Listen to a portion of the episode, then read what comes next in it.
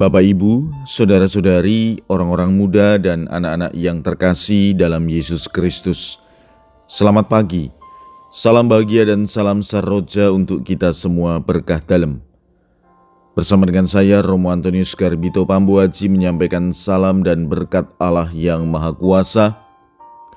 Dalam nama Bapa dan Putra dan Roh Kudus. Amin. Hari ini Rabu 8 Juni dalam hari biasa pekan biasa ke-10.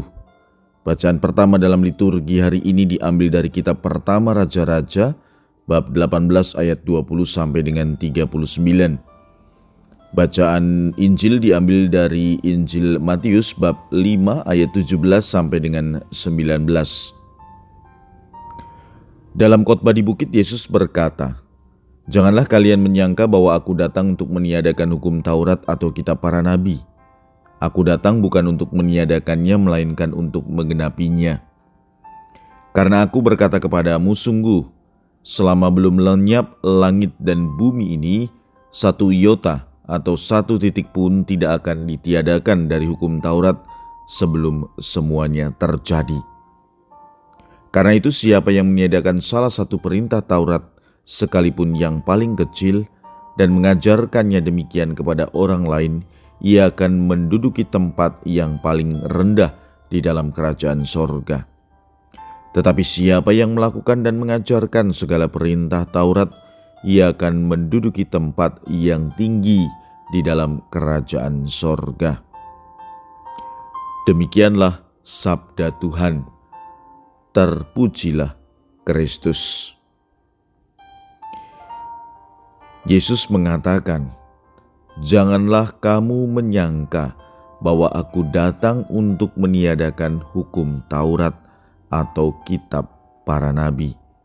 Aku datang bukan untuk meniadakannya, melainkan untuk menggenapinya.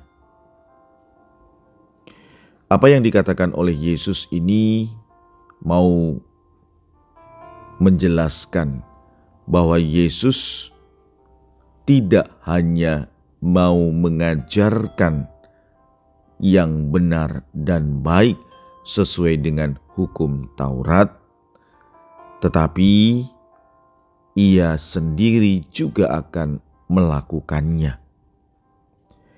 Karena dalam Injil Yesus juga mengatakan, "Siapa yang melakukan dan mengajarkan segala perintah hukum Taurat, ia akan menduduki tempat yang tinggi di dalam kerajaan sorga.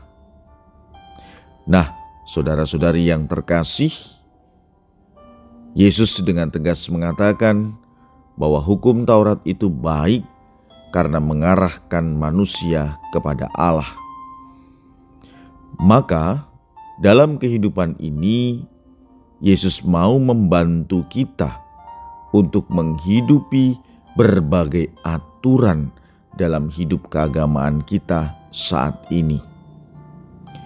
Misalnya, dalam gereja ada berbagai aturan, dan aturan itu membantu kita agar dapat beribadat dengan baik, bahkan membantu kita mencapai kesucian atau kekudusan.